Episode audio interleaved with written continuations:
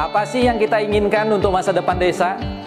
Warga desa yang sehat, pendidikan yang berkualitas, pendapatan yang meningkat dan merata, lingkungan desa yang tetap lestari, desa aman, nyaman, dan damai berkeadilan.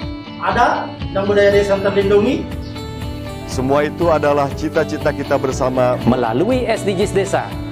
bergabungan dengan seluruh warga Sibi. Melangkah maju, mewujudkan cita-cita bersama. Desa-desa di Indonesia telah menapaki kemajuan. Butuh kebayaan yang tetap terjaga. Fasilitas di desa semakin baik, pendidikan dasar mencukupi. Akan tetap kita tidak boleh lengah. sebab masih banyak tantangan yang menghadapi. pengangguran pemuda desa. Pengangguran harus pemuda diatasi. desa harus diatasi. Penurunan kemiskinan desa Penurunan kemiskinan harus desa harus cepat lagi. Kebakaran hutan harus Kebakaran hutan harus dihentikan, Kekerasan terhadap perempuan Kekerasan harus terhadap dihilangkan. perempuan harus dihilangkan. Pekerjaan-pekerjaan yang belum usai ini, Kini harus kita tuntaskan. Jadi, mari berdiri mari berdiri Mari berdiri Mari berdiri sebaris, berjajar bergandengan tangan, melukis kuntul baris, mewujudkan cita-cita kita bersama. dan pastikan Tidak ada satupun warga desa yang tertinggal di belakang. mari membangun Indonesia dimulai dari desa. 18 tujuan untuk mewujudkan desa yang lebih baik.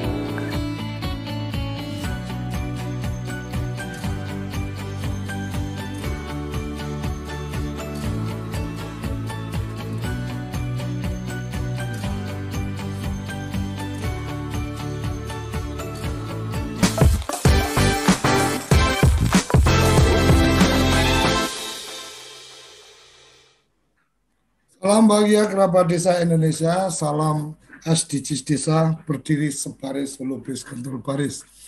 Ah, sarapan eh, sarapan SDGs desa kali ini kita mengangkat tema tentang bagaimana pembangunan infrastruktur yang eh, sesuai dengan kebutuhan masyarakat jadi eh, ini kayaknya banyak hal yang kita temukan di lapangan. Kadang-kadang gapuranya itu luar biasa gitu kan, karena ada dana desa gitu kan, berpamer gapura. Tapi ada bagian-bagian yang ternyata eh, masyarakatnya masih eh, butuh dukungan untuk kemudian apa eh, mungkin tentang sanitasinya, mungkin tentang saluran apa eh, irigasi, air bersih dan seterusnya.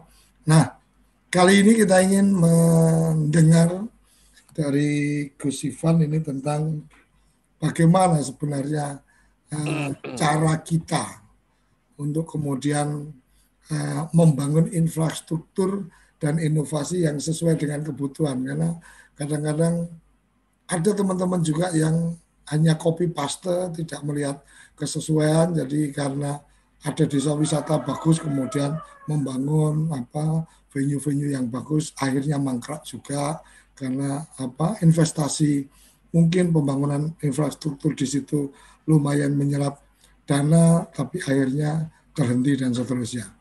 Pagi ini kita akan mendengarkan langsung dari Gus Ivan. Terima kasih Prof. Yayan sudah bergabung, Mas Yatno, Mas Sugeng, Mas Arif, Mas Selamat. Iya. Matur nuwun. Pagi-pagi selalu meramaikan apa agenda kita menguji ilmunya Gus Ivan ini. silakan silakan Gus. Uh, SDGs yang ke-9 ini Gus. SDGs desa yang ke-9. Silakan.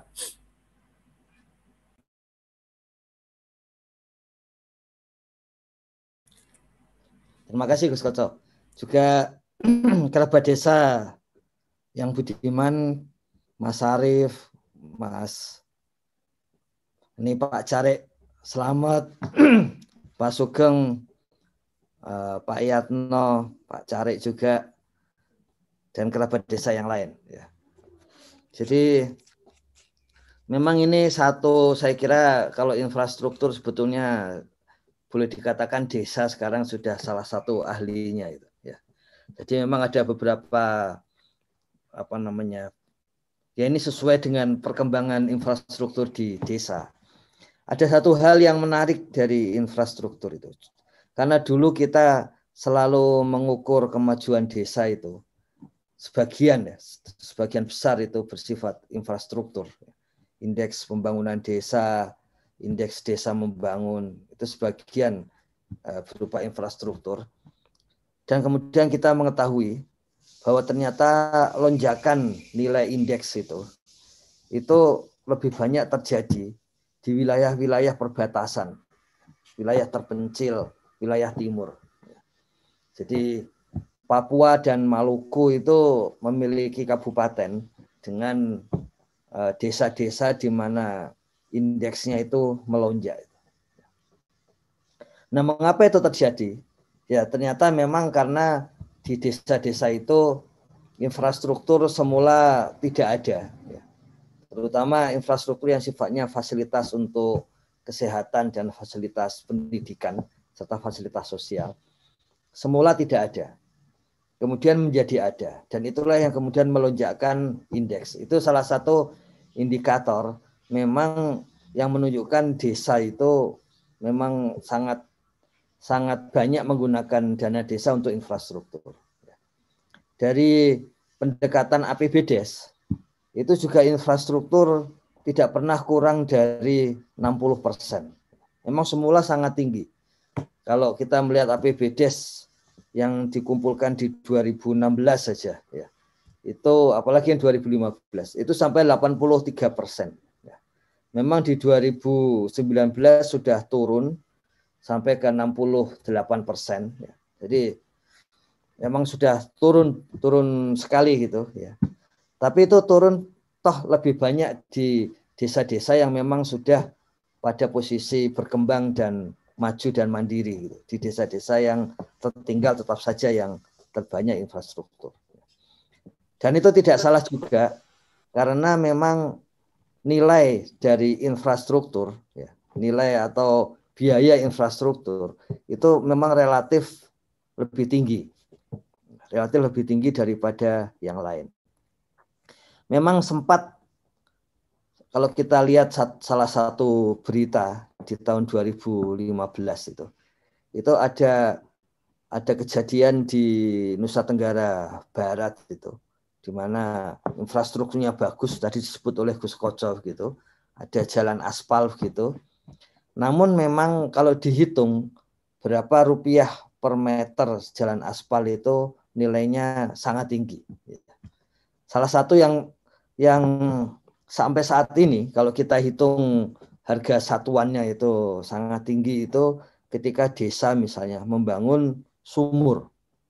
Membangun sumur itu sangat tinggi, hampir 30 jutaan per satu sumur gitu. Nah, itu sumur sementara kalau kita di lapangan jenis sumurnya juga tidak beda jauh dengan yang lain. Tapi untuk jalan itu relatif sekarang sudah rendah. Sekarang sudah hampir 400 ribuan per per meter jalan.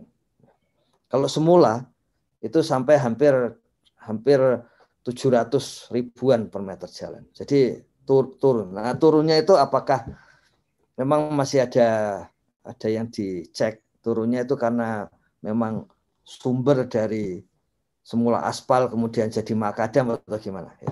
Salah satu yang sangat besar juga adalah jembatan. Jembatan itu biaya per meternya di desa itu itu mencapai 6 juta itu per meter itu. Jadi mestinya jembatannya harusnya ya relatif bagus. Ini bukan jembatan yang dibangun dengan sangat apa sederhana gitu ya. Nah, satu hal juga yang kita peroleh di lapangan dan kemudian berdasarkan masukan eh, apa namanya aduan-aduan itu memang sebagian tidak langsung masuk ke kebutuhan warga. Ya. Nah, indikator dari BPS ketika mereka tidak hanya menanyakan jalan, tapi jalan ke tempat produksi, itu kemudian nilainya jatuh. Jadi di potensi desa 2018 itu tidak hanya ditanyakan jalan, tapi jalan di tempat produksi. Jalan aspal itu sudah mencapai 88 persen desa. Kalau istilahnya BPS itu mayoritas jalan di desa aspal ya. Itu anunya uh, metodenya begitu. Mayoritas jalan aspal itu sudah 88 persen. Begitu jalan aspal yang masuk ke usaha tani dan usaha produktif desa lainnya itu tidak lebih dari 30 persen desa. Jadi ini satu satu indikator yang kemudian dilihat oleh ya tidak hanya Gus Menteri kita semua bahwa ada kemungkinan ya memang ada kemungkinan jalan itu lebih banyak ke permukiman ya udah, udah pasti itu atau jalan itu mungkin tidak langsung sepenuhnya untuk meningkatkan ekonomi tadi disebut oleh Gus Koco soal apa namanya gapura ya. sempat di tahun 2020 itu karena posisi COVID dan kita harus segera banting setir pertama penyelamatan gitu baru kemudian nanti membangun tapi dalam hal penyelamatan pun itu diupayakan supaya ini dasar-dasar untuk rebound ekonomi gitu. Nah, sekarang kita tahu bahwa kemungkinan rebound itu ya di akhir tahun ini atau selambatnya tahun depan itu. Karena melihat vaksinasi yang baru akan selesai di tahun depan gitu. Nah, dari dari situ tahun lalu itu kemudian dialihkan menjadi padat karya tunai desa. Ini ada dua hal yang menarik ini, Gus Koco dan kerabat sekalian. Yang pertama, dalam padat karya pun ya, itu apa namanya? Yang menjadi orientasi itu kadang-kadang gitu. ini ada satu desa yang dianggap bagus di Malang gitu dan kemudian dia sering masuk koran. Tapi anehnya ilustrasi di koran tentang padat karya di desa itu itu adalah membangun gapura. Segitu desa itu inovatif, punya sistem inova, eh, sistem informasi sendiri di desanya. Kemudian selama ini membangun dengan dengan musyawarah terus menerus. Tapi hasilnya ya hasilnya itu bisa-bisa padat karya itu adalah membangun uh, gapura. Gitu. Dan ketika kami tanyakan dan cek ke lapangan, kenapa kok pilihannya itu? Gitu. Sementara desa itu sudah pasti dari, itu, dari dulu desa tersebut mengetahui bahwa gapura itu termasuk salah satu yang dilarang di 2015 untuk membangun dengan dana desa. Ya. Jadi ada satu persoalan apakah ini sesuai kebutuhan. Itulah sebabnya ketika ketika SDGs global ke nasional itu masih soal infrastruktur. Kemudian ketika sampai ke desa muncul uh, frase atau istilah Gus Menteri dan kemudian Mas Arief kemarin mengingatkan ada diksi sesuai kebutuhan. Itu itu karena tadi dengan alasan alasan tersebut begitu.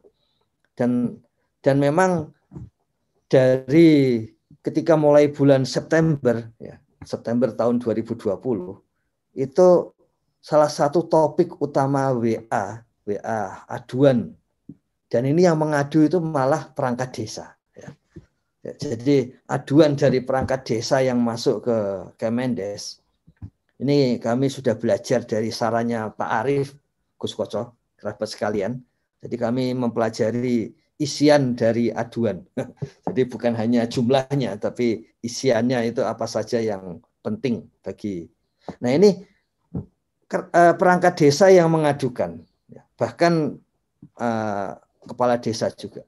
Nah itu mereka mengatakan bahwa wah ini kalau semua padat karya kemudian BLT sampai Desember ya, sementara sebagian sudah dikerjakan oleh uh, pihak ketiga sudah ada utang kepada toko bangunan. Wow.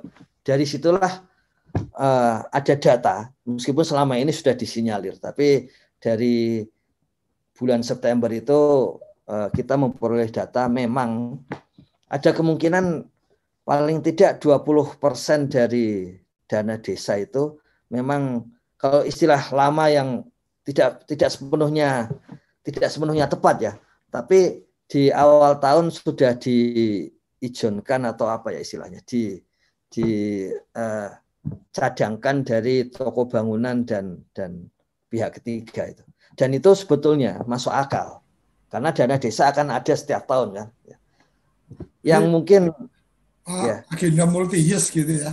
Iya iya iya. APBN. ya, multi use bagi desa ya. Jadi masuk akal juga sebetulnya. Dan itu selama ini kan memang memang tidak terlalu muncul di lapangan. Karena karena karena Covid dan kemudian ada pengalihan kebijakan besar-besaran gitu, maka kemudian jadi muncul dan uh, apa namanya foto-foto yang disampaikan ke Kementerian Desa itu menunjukkan bangunan-bangunan yang setengah jadi ya. Jadi kebijakan dari Gus Menteri jangan sampai desa itu utang pada tahun lalu itu. Sehingga yang sudah setengah jadi ya mending dijadikan sehingga punya manfaat bagi warga gitu. Tapi yang belum jadi ya dan masih masih apa namanya masih belum ambil barang dari toko bangunan dan sebagainya ya dibatalkan saja. Jadi jadi itu menunjukkan bagaimana apa namanya bahwa memang infrastruktur ini sesuatu yang di, sangat menjadi dominan di desa dan dari dulu juga apa namanya kita mengetahui kaidahnya itu membangun infrastruktur itu memperjelas bahwa kepala desa itu membangun untuk warga itu. Meskipun tadi disampaikan banyak sekali indikator yang menunjukkan belum sepenuhnya demikian. Untuk tahun ini, tahun 2021, itu Kementerian Desa sudah ditugasi Gus Menteri untuk melakukan minimal dua kali survei kepuasan kepada warga desa. Baik itu kepuasan kepada dana desa, ya, manfaatnya begitu, kepuasan kepada pemerintah desa dan perangkat, Eh, dinas PMD sampai ke uh, Kementerian Desa. Tentu saja seperti biasa itu tujuannya bukan untuk mencari keburukan gitu, karena itu juga apa namanya tidak akan disebarluaskan gitu. Tapi untuk mengetahui apa saja yang tahun depan atau kalau yang nanti yang awal tahun ini selama pertengahan sampai akhir tahun apa saja yang bisa kita perbaiki untuk melayani warga gitu. Nah, jadi itu itu sebabnya tadi di eh, bahwa memang untuk SDGs desa itu kemudian ada istilahnya eh, pelokalan itu ya pelokalan. Jadi karena tidak bisa tidak harus ada yang khas untuk desa khasnya itu ya sesuai dengan sesuai dengan masalah yang ada di desa gitu ya. Dan salah satu masalah yang muncul di desa itu berkaitan dengan infrastruktur adalah yang kaitannya itu dengan apakah itu bisa sesuai dengan kebutuhan warga gitu ya. Dan kemudian yang berikutnya berkaitan dengan ini sering jadi salah paham, kita perlu perlu sama-sama uh, mencek, memahami bahwa semula inovasi dari awal, inovasi itu masuk ke dalam SDG desa yang nomor ini juga. Jadi infrastruktur itu dikaitkan dengan inovasi. Dan itu kemudian bisa saja bisa saja membuat semacam inovasi itu berarti ya berkaitan dengan infrastruktur. Jadi Kementerian Desa pernah punya satu proyek inovasi desa gitu dan apa namanya itu yang sejak awal baik Pak Menteri Eko maupun sekarang Gus Menteri itu menyampaikan yang penting inovasi sampai ke desa. Ya. Nah sekarang itu yang akan dikembangkan lebih lanjut ya karena selama ini kan munculnya apa saja ya apa saja inovasi desa. Nah yang akan dikembangkan lebih lanjut yang kemarin Bu Agnes sudah sampaikan bahwa ada banyak inovasi dari kampus yang akan di yang akan sekarang langsung disampaikan ke desa. Jadi Kementerian Desa akan mengembangkan protokol eh, inovasi kampus masuk desa. Jadi inovasi seperti apa yang bisa langsung dipakai desa. Sehingga desa lebih aman kalau sudah melewati protokol eh, inovasi kampus ke desa tadi itu, desa bisa lebih aman menggunakan. Dan sebaliknya, hasil dari kampus juga lebih banyak langsung masuk ke desa. Dan inovasi protokol inovasi tidak hanya untuk kampus tapi untuk semua inovator ya yang akan menggunakan inovasinya untuk desa itu dilakukan termasuk dari desa ke desa lain. Nah, saya sampaikan sekilas Gus bagaimana apa namanya perubahan dari diksi dan ini kalau kita lihat yang nomor 9 ya. Itu memang di di dalam SDGs globalnya itu industri, innovation, and infrastructure. Kemudian di Indonesia kan dalam tujuan pembangunan berkelanjutan infrastruktur, industri, dan inovasi. Nah, kemudian setelah sampai ke SDG desa, infrastruktur dan inovasi desa sesuai kebutuhan. Supaya kita bisa merasakan apa bedanya dari level global, nasional ke desa. Di sini ada tetap ada infrastruktur dan di dalamnya juga tetap ada industri, industri di level desa. Kemudian inovasi desa itu dan kemudian ada tambahan sesuai kebutuhan. Jadi sesuai kebutuhan itu memang alasannya karena karena tadi karena bahwa ini memang berkaitan dengan supaya memastikan infrastruktur dan inovasi itu memang bisa menyejahterakan warga desa gitu. Nah, jadi di sini kita lihat pertama kondisinya baik, ya, kondisinya baik, dan kemudian jalan dan dermaga yang kondisi baik ini ya sudah pasti harus 100%. Jadi kita tidak hanya sekarang kita tidak hanya mengetahui jalan desa itu berapa, sebagian besar itu aspal apa tidak, tapi kita mengetahui sampai ke level berapa kilometer yang aspal, berapa kilometer yang tanah, berapa kilometer yang masih batu dan sebagainya. Dan kondisinya seperti apa. Jadi data yang diambil seperti itu. Apakah itu sangat penting? Ini sesuai dengan undang-undang rancangan undang-undang jalan ya. Itu nanti jalan desa yang memang antar desa terutama, yang antar desa yang sering kali jadi sulit termasuk di dalamnya jalan-jalan yang di perbatasan antar desa apalagi yang antar sekaligus antar kabupaten dan antar provinsi itu akan ditangani oleh pemerintah. Ya, jadi kalau tidak ditangani di level desa, maka pemerintah akan punya wewenang turun sampai ke jalan antar desa. Ini makanya data ini kemudian menjadi sangat penting. Kemudian yang kedua adalah laju pertumbuhan. Ya, laju pertumbuhan. Kita tahu kalau sudah ada istilah laju, ya, sudah ada istilah laju, maka itu memastikan bahwa minimal ada dua tahun data tidak bisa kalau cuma satu tahun kita melihat laju itu kan nggak bisa. Tapi minimal ada dua tahun, 2022 dan 2021. Terus kemudian kita melihat kecepatan, kecepatan uh, pertambahan baik itu keuntungan ya maupun pertambahan dari jumlahnya industri rumah tangga kecil dan menengah. Ya. Kemudian tidak ada pencemaran, ya tidak ada pencemaran untuk seluruh jenis industri yang ada di desa. Kalau kita lihat dari sisi sasarannya, ya, kita lihat dari sisi sasarannya, maka bentuknya seperti ini. Jalan dalam kondisi baik mencapai 100%. Jadi apa pun jenis jalan, tapi kondisinya harus baik. Meskipun kita tahu kelemahannya. Jalan tanah punya kelemahan tertentu ya. Jalan aspal tertentu, jalan rabat beton juga punya kelemahan tertentu gitu. Tapi yang ingin dicari bahwa jalan itu uh, dalam kondisi baik. Jadi kondisinya baik, berfungsi ya. Artinya dia masih rusak tapi masih bisa difungsikan atau sudah sudah dianggap buruk oleh warga desa. Ya.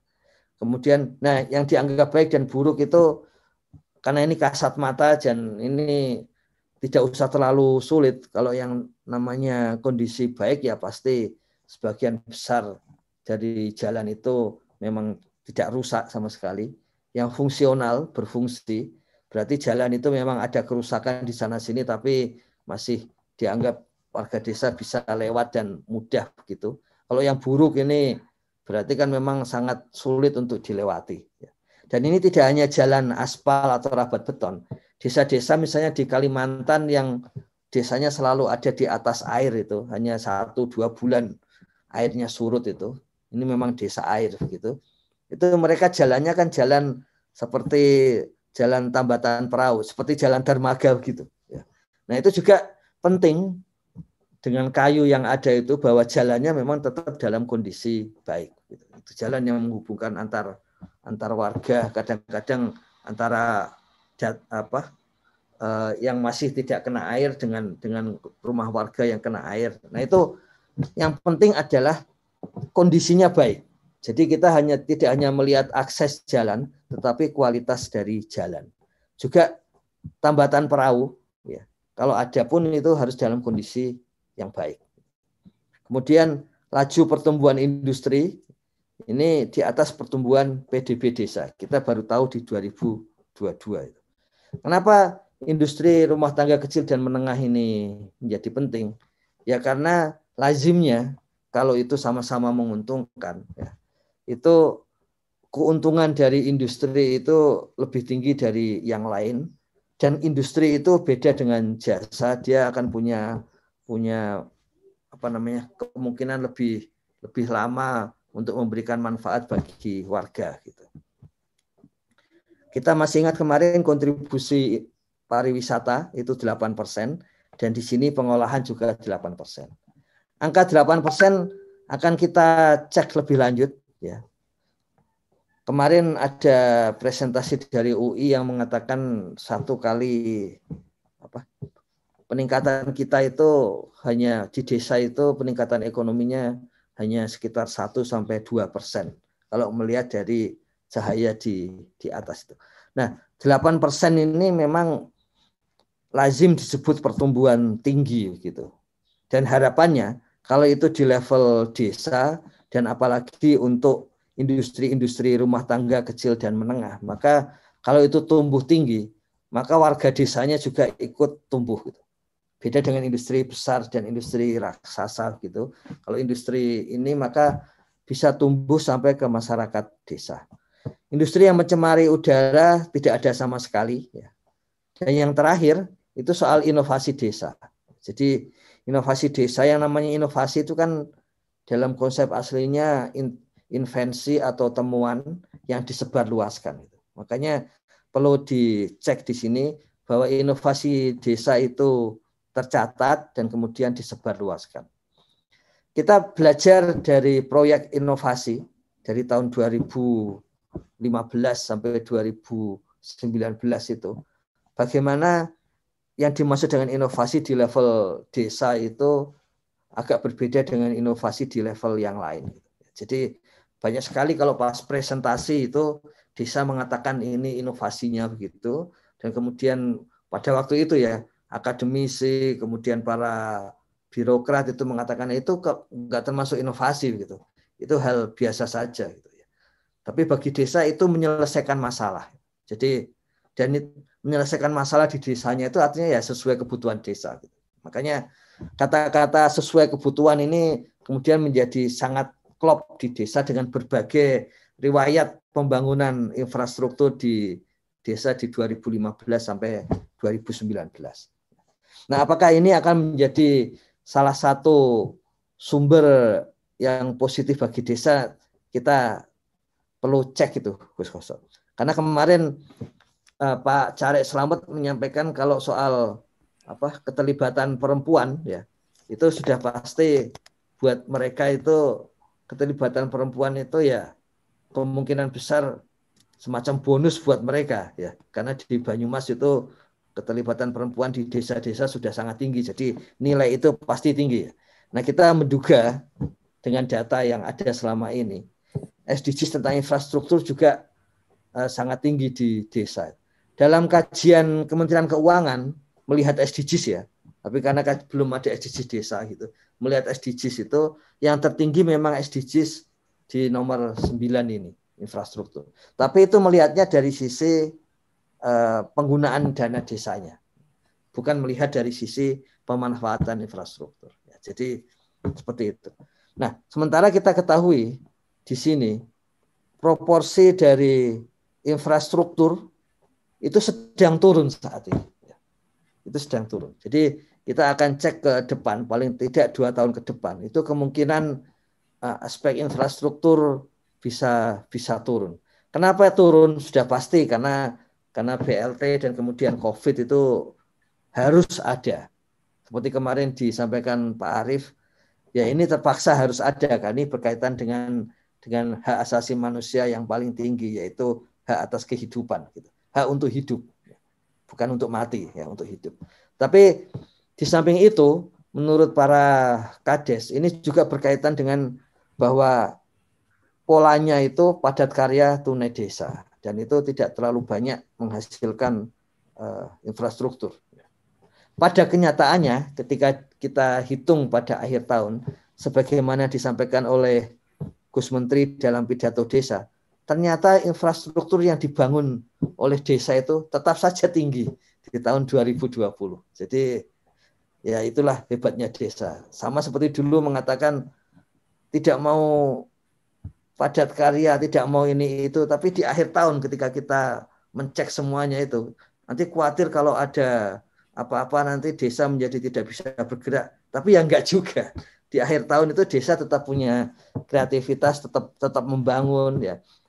Ini kan sama juga ini Gus Koco dan kerabat desa sekalian. Kita masih ingat di bulan-bulan April Mei itu media massa itu antara lain dipenuhi oleh uh, apa namanya itu protes ya terutama dari perangkat desa bahwa kami punya kewajiban sesuai dalam RPJM desa dan APBDes untuk menjalankan ini tapi karena harus Covid jadi tapi kenyataannya memang hanya 36% dana desa rata-rata yang dipakai untuk Covid dan BLT dana desa. Jadi masih ada lebih dari 50% bisa dipakai untuk yang lain. Dan itu sudah teruji di akhir tahun ketika infrastruktur itu di dilaporkan kita kita menceknya dari laporan terhadap penggunaan APBDes itu dan ternyata infrastruktur tetap banyak dibangun di desa. Masih masih uh, ratusan ribu kilometer jalan yang dibangun desa di 2020. Kiranya sementara seperti itu, Gus Koco, kerabat desa sekalian. Ya. Oke, Tapi terima kasih. Intinya kita yakin soal infrastruktur ini dan bahkan akan banyak membantu terutama wilayah-wilayah uh, yang lebih tertinggal di desa. Ya. Oke, terima kasih. Infrastruktur, kenapa banyak infrastruktur? Karena memang mungkin uh, kepala desa kan mengikuti kepala negara kan gitu. Pada saat itu agendanya infrastruktur, oke, okay, bangun infrastruktur.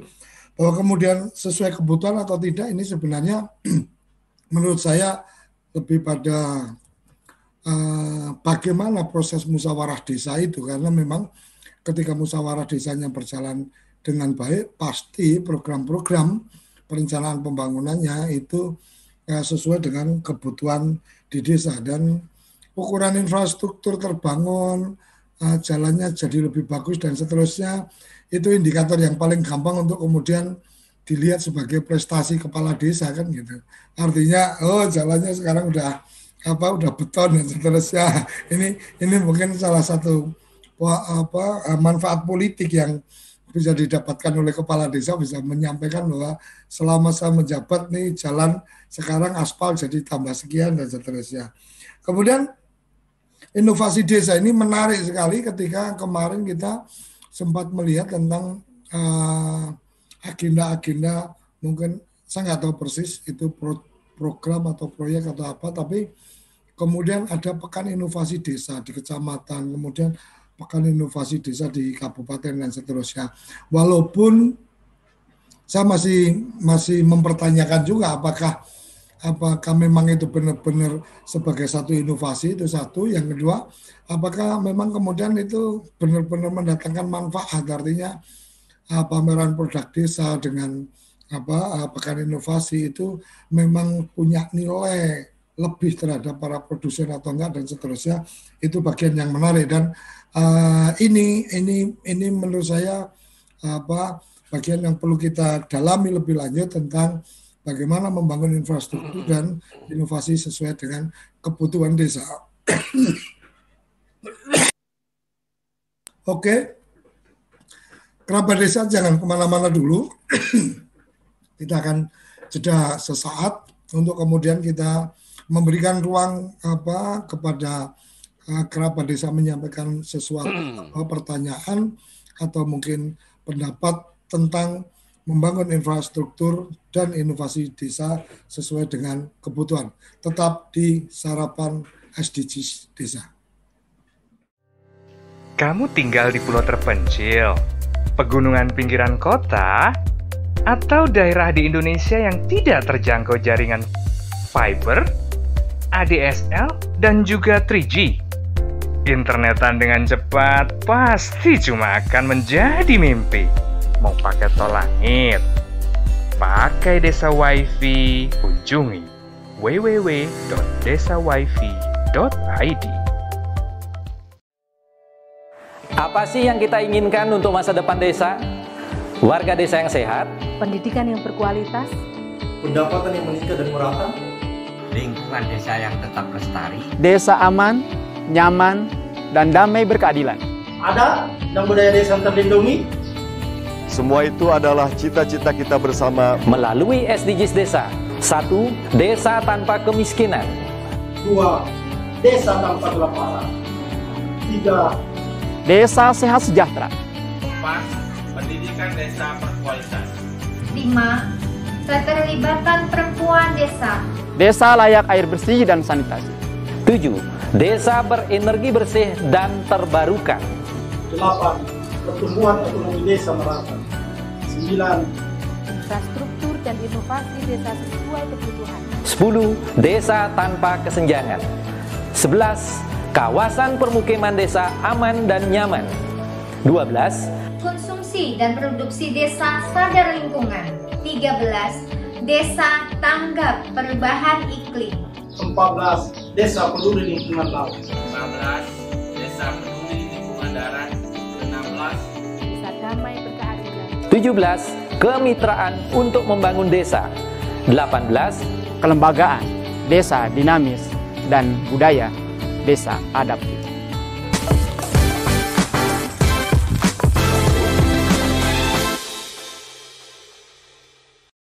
Desa Vision Desa Vision memberikan pilihan tayangan edukasi dan inspirasi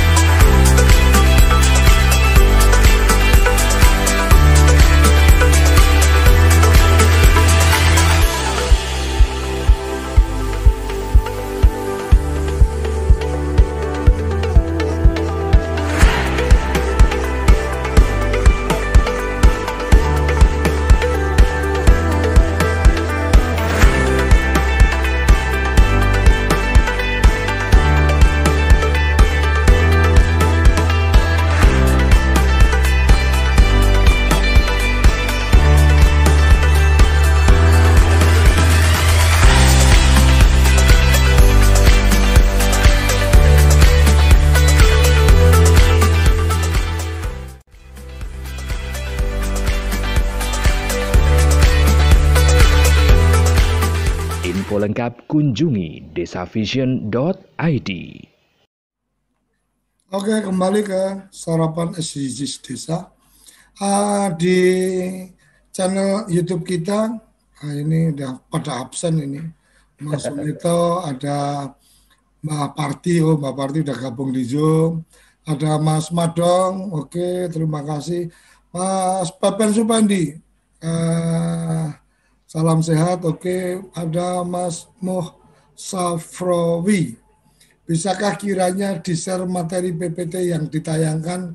Uh, jadi sepertinya ini uh, sering ditanyakan, tapi kayaknya kita punya apa punya karakter dosen yang unik ini. Jadi kalau materinya di-share dulu sebelum selesai semuanya, itu khawatirnya nggak pada menyimak, makanya eh, mungkin akan di-share setelah selesai di SDGs ke 18.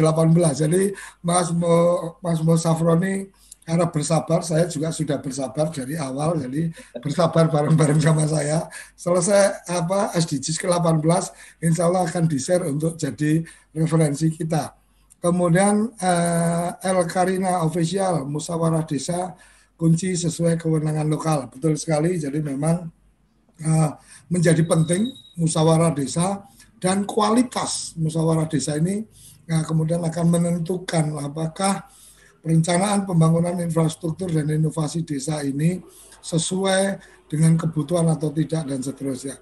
Saya pikir uh, itu bagian yang apa dari channel YouTube ada wah ini Mas Arif panjang sekali ini uh, menuliskan di sini uh, Mbak Pak Selamat juga sudah agenda perencanaan ditetapkan musrenbang menurut saya pelaksanaan sesuai kebutuhan. Oke kalau kalau dengan musran apa musyawarah desanya berjalan sih insya Allah apa akan sesuai dengan kebutuhan. Wah ini Mbah Parti ini masih kurang terus padahal udah pembangunannya luar biasa ini di Geni Langit. Oke, uh, Mas Arief mungkin silakan apa disampaikan. Uh, Bisa saya sampaikan sebentar? Oh silakan silakan. Sebentar ya, datanya ya. aja supaya ya. kita yakin dengan kondisinya tadi. Ya. Yang pertama apa namanya itu uh, penggunaan dana desa itu ya. Hmm. Kalau kita cek dari tahun ke tahun, ini dari apa namanya APBDes di akhir tahun, APBDes perubahan terakhir di masing-masing desa. Memang ada bangunan jalan dan jembatan ini masih tinggi 80% terus, tapi di 2018 sudah mulai turun, Gus. Kemudian yang lain yang ternyata penting bagi desa itu adalah perikanan, Gus. Jadi yang berkaitan dengan dukungan untuk produksi perikanan itu eh, sangat penting. Dan ada tren bahwa yang terakhir-terakhir ini adalah untuk mendukung kebutuhan-kebutuhan yang sifatnya jasa. Baik itu jasa yang ada di desa, angkutan dan sebagainya begitu sampai ke ke kaitannya dengan dengan pihak lain. Meskipun yang transportasi ini khusus yang ini menurun. Ini ini yang tentang penggunaan dana desa tadi Gus. Jadi supaya kita memang yakin bahwa uh, penggunaan kita seperti itu. Kemudian yang kedua bahwa memang pentingnya infrastruktur kita harus sambil melihat tidak hanya sebatas desa atau kabupaten atau provinsi kita tapi Indonesia dan ternyata memang yang punya laju pembangunan desa paling tinggi eh, betul-betul di daerah pinggiran ini. Ini kita lihat dari laju IDM yang tadi itu Gus. Jadi kalau mengatakan membangun desa, membangun dari pinggiran itu ya ada ada datanya sekarang gitu. Karena kita bisa mengumpulkan hasil-hasil dari pembangunan desa. Paling tidak di tujuh, ini baru 74.500-an Gus. Karena yang 400-an ini agak sulit dijangkau. Ya. Dan mereka juga belum melaporkan, agak terlambat gitu. Biasanya terlambat satu tahun. Ya. Jadi kondisinya seperti itu. Ini Gus, jadi untuk meyakinkan kita. Dan yang terakhir bahwa tren kebutuhan desa yang tadi Gus Koco sampaikan soal apa inovasi desa ada ada di tiap kecamatan itu membuat event itu ya. Kalau kita catat dari bukan inovasi yang di sampaikan di event itu, tapi desa yang mencatatkan kebutuhan inovasi. Ternyata desa yang mencatatkan kebutuhan inovasi itu meningkat hampir 100% Gus. Dari dari 75 ribu itu yang mencatatkan kebutuhan sampai 150 ribuan. Jadi kiranya satu desa itu rata-rata membutuhkan tambahan dua inovasi baru. Ini dalam tanda kutip ya Gus, dan kerabat desa yang sekalian, dengan adanya dana desa tampaknya juga meningkatkan pasar demand kebutuhan terhadap inovasi itu. Nah ini yang perlu di ya pasar dalam arti bukan pasar ekonomis ya, pasar dalam arti kebutuhan desa terhadap inovasi. Nah, ini yang akan dipenuhi oleh baik Kementerian Desa maupun kerjasama dengan berbagai inovator yang lain. Tambahannya itu, Gus Koco. Mohon maaf. Silakan Mas Arif. Terima kasih uh, Gus Ivan. Wah, ini selalu mengganggu saya dalam pikiran saya menggiatkan desa ini. Gus, uh, topik hari ini kan pembangunan infrastruktur sesuai kebutuhannya. Jadi ke PKTD itu sesuai kebutuhan, Gus. Jadi uh, menjawab kebutuhan itu dengan PKTD. Nah, cuman sayangnya PKTD ini kita belum menemui juklat dan juknisnya. Nah, ketika ngomong PKTD itu semua desa pengen menerjemahkan. Makanya jadinya kan bikin gapuro, gotong royong kan gitu. Harusnya PKTD ini dijuklat dan dicirikan. Satu. Yang kedua, eh, yang terakhir Gosipan menarik sekali ngomong pasar. Benar sekali bahwa PKTD itu bisa diwujudkan di dalam bentuk-bentuk rintisan bisnis BUMDes. Karena pemerintah melalui kementerian dan KL itu banyak sekali menghadirkan rintisan bisnis sebenarnya. Seperti ya, oh, ada KRPL dari Kementan, ada penanaman serai wangi dari Dijen Perkebunan, ada membuat chip kasava, porang, tapioka, ikan asap, ikan asin, daging sei dan sebagainya. Ini semuanya proyeknya pemerintah yang sebenarnya ditujukan kepada masyarakat. Sayangnya ini entah informasinya atau sosialisasi kurang, entah masyarakatnya juga belum tahu sehingga nggak bisa nangkap itu.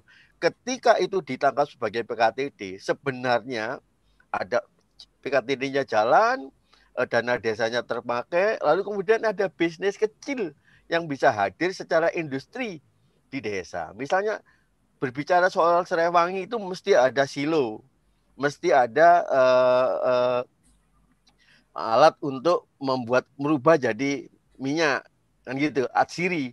Kalau ada minyak ada atsiri berarti harus ada pasarnya.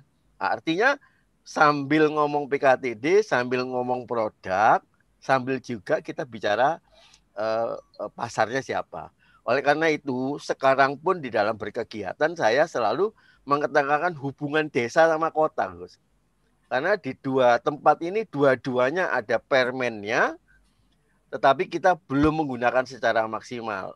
Dan saya agak agak ngerem supaya jangan terlalu bernafsu menghadirkan permen lagi, kecuali menghadirkan juklak juknis. Karena juklak juknis inilah yang dibutuhkan. Dan itulah yang hilang selama ini di lapangan. Jadi Pemda selalu mengatakan Nah, itu kan cuma permen. Nah, permen apa dasarnya? Hanya menuliskan pembinaan dan pembiayaan selanjutnya dilakukan oleh Pemda. Apa dasarnya? Nah, itu itu dijawabannya adalah sebenarnya adalah juklak juknis. Pedum juklak juknis. Nah, begitu juga eh, di desa. Begitu desa nggak bisa mas kita kan punya otonomi dan sebagainya nah, begitu ada juklak dan juknis sebenarnya inilah eh, layar bersama ibaratnya itu media bersama ya seperti hari ini eh, penjelasan SDGs desa melalui Zoom meeting. Wah ini dahsyat sekali Gus, dahsyat sekali. Mudah-mudahan eh, apa yang saya sampaikan dengan PKTD, eh, bisnis rintisan, ada lagi namanya pengembangan eh, program inovasi desa. Inovasi desa ini sudah ada permennya juga, permen 23 2018. Cetok ini. Tapi uh, saya tidak tahu mengingkari atau gimana ya bahwa sudah punya permen tapi diingkari gitu loh. Jadi lebih baik ada yang ada kita buat juklak duktisnya dan jangan lupa Gus di Indonesia punya 21 tahun artinya 21 kali gelar TTG nasional. Nah, kira itu menjadi tonggak-tonggak sejarah yang harus kita manfaatkan ke depan. Terima kasih Gus. Sukses selalu. Oke. Oke, uh, jadi menarik ini tentang apa catatan dari Mas Arif. Memang uh, dengan keberadaan juklak juknis ini akan lebih memudahkan teman-teman di desa mungkin uh, dan juga uh, di Pemda untuk kemudian melakukan dukungan apa secara real, artinya dukungan secara langsung terhadap apa program-program yang ada. Mungkin sebelum ke Gosipan ada yang ingin menyampaikan yang lain? Kalau enggak kita langsung ke Gus Ivan silakan Gus.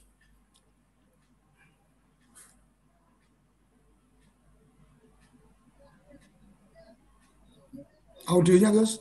Ya, saya kira yang disampaikan Mas Arief uh, kami jalankan ini ya. Sebetulnya apa namanya Juklak Juknis itu di masa lalu ya di awal-awal reformasi apalagi menjelang reformasi.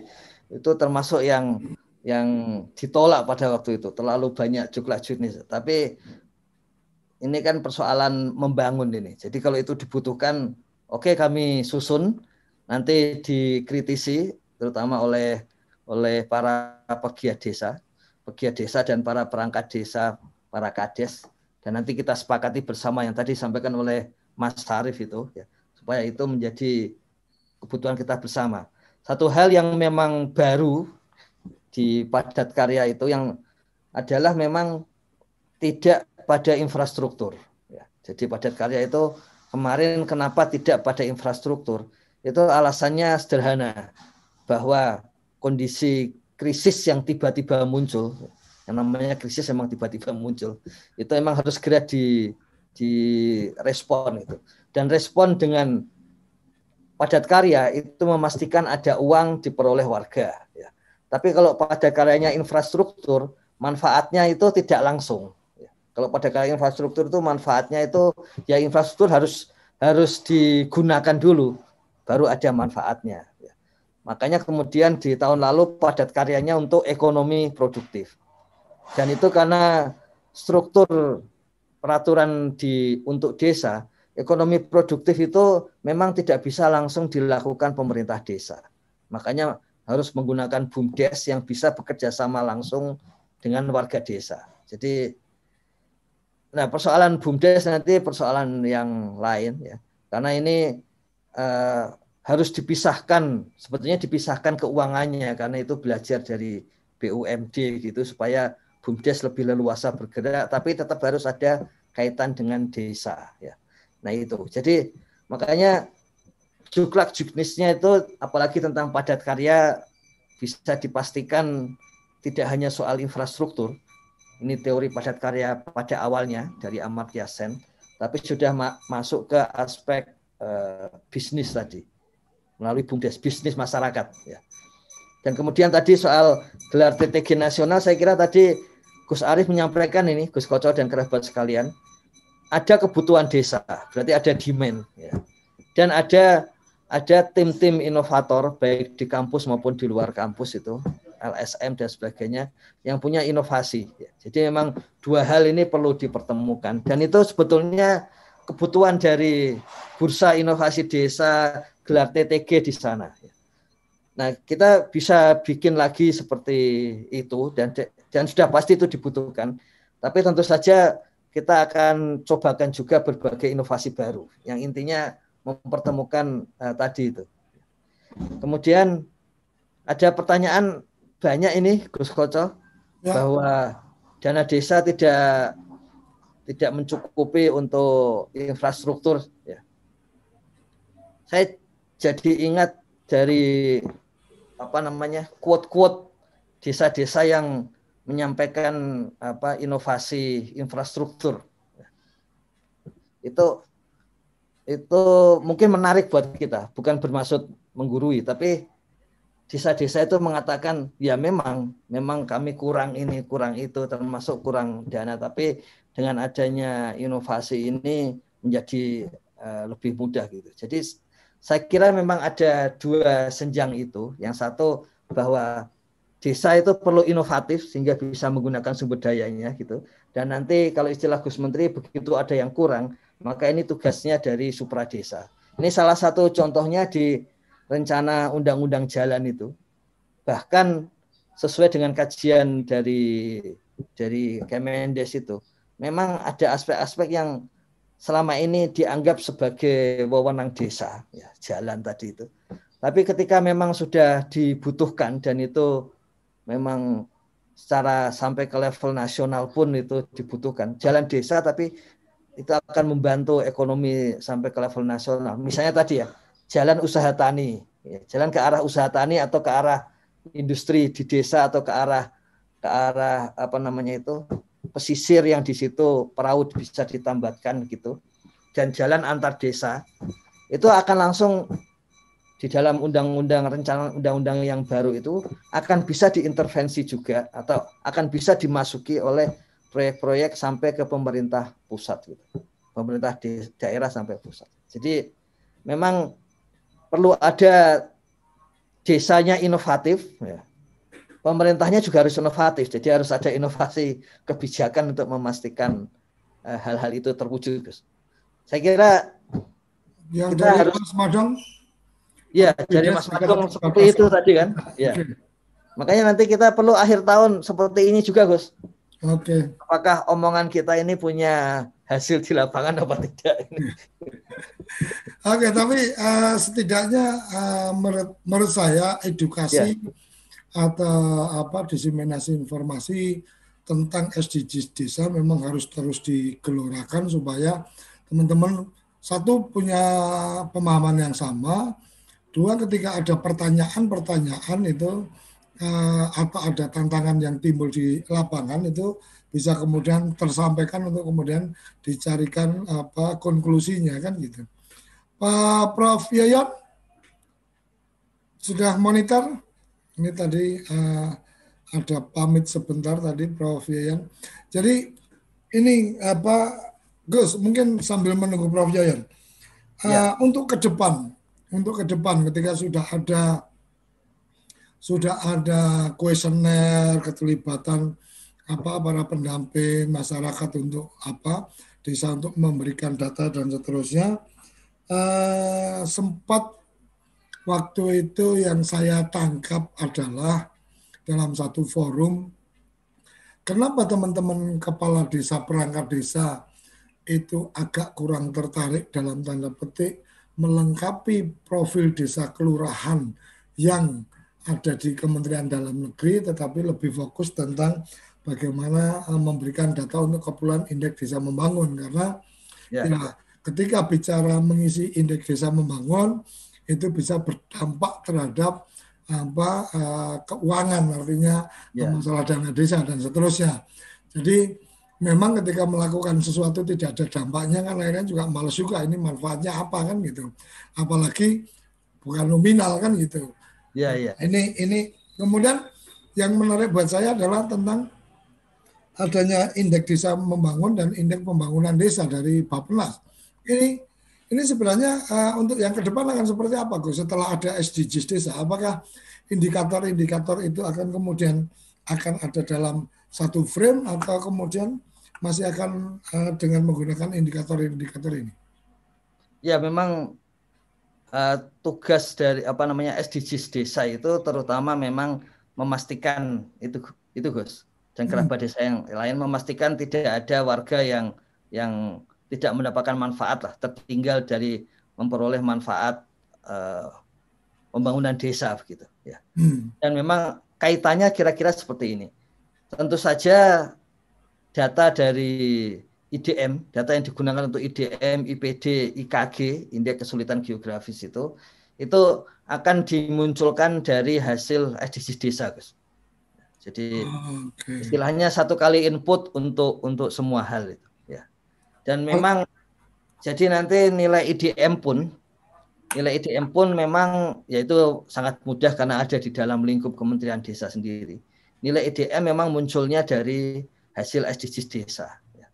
Apa sih yang berubah dari dari pengumpulan IDM yang lama? Ya, IDM yang lama itu basisnya desa, Gus. Hmm. Jadi ketika mengatakan desa, di situ ada kaitannya misalnya berkaitan dengan infrastruktur. Apakah desa ini sebagian besar penduduknya menggunakan jamban sendiri? Ya. Tapi di dalam SDGs desa kita mendeteksi berapa desa, berapa rumah tangga keluarga yang menggunakan jamban karena kan pertanyaannya ada pertanyaan jamban kepada keluarga. Hmm. Jadi okay. kalau di lama itu yang dominan, di sini detail. Oke, okay, berarti berarti ke depan ketika kemudian data-data yang diinput dengan menggunakan sistem informasi desa yang yeah. dikembangkan dalam konteks SDGs desa ini, maka kemudian IDM, IPD, IKG itu kemudian akan kemudian keluar dari data-data itu karena sudah teranalisis. Kira-kira gitu, Gus? Benar, benar, Gus. Oke. Oke, terima kasih. Tanpa terasa kita sudah di penghujung waktu uh, kita dan Prof. Yoyon sepertinya belum bergabung. Jadi uh, kita akan akhiri uh, forum sarapan SDGs Desa uh, episode kali ini dan kita besok masih akan bertemu dengan SDGs Desa yang ke-10 dan uh, jangan uh, jangan lupa setiap pukul 6 sampai pukul 7 pagi kita sarapan SDGs Desa. Berdiri sebaris, holobis kentul baris, salam bahagia kerabat desa Indonesia. Terima kasih. Apa sih yang kita inginkan untuk masa depan desa? Warga desa yang sehat, pendidikan yang berkualitas, pendapatan yang meningkat dan merata, lingkungan desa yang tetap lestari, desa aman, nyaman, dan damai berkeadilan. Ada dan budaya desa terlindungi. Semua itu adalah cita-cita kita bersama melalui SDGs Desa. Melangkah maju, mewujudkan cita-cita bersama. Desa-desa di Indonesia telah menapaki kemajuan. Butuh kebayaan yang tetap terjaga. Fasilitas di desa semakin baik, pendidikan dasar. Akan tetap kita tidak boleh lengah. Sebab masih banyak tantangan yang menghadapi. Pengangguran pemuda desa Pengangguran harus pemuda diatasi. desa harus diatasi. Penurunan kemiskinan desa. Penurunan kemiskinan harus desa lebih harus lebih cepat lagi. Kebakaran hutan harus Kebakaran hutan harus dihentikan. Kekerasan terhadap perempuan Kekerasan harus terhadap dihilangkan. perempuan harus dihilangkan. Pekerjaan-pekerjaan yang belum usai ini. Kini harus kita tuntaskan. Jadi, mari berdiri, Mari berdiri. Mari berdiri. Mari berdiri sebaris, berjajar bergandengan tangan, Holobis kuntul baris. mewujudkan cita-cita kita bersama. dan pastikan Tidak ada satupun warga desa yang tertinggal di belakang. Mari membangun Indonesia dimulai dari desa. 18 tujuan untuk mewujudkan desa yang lebih baik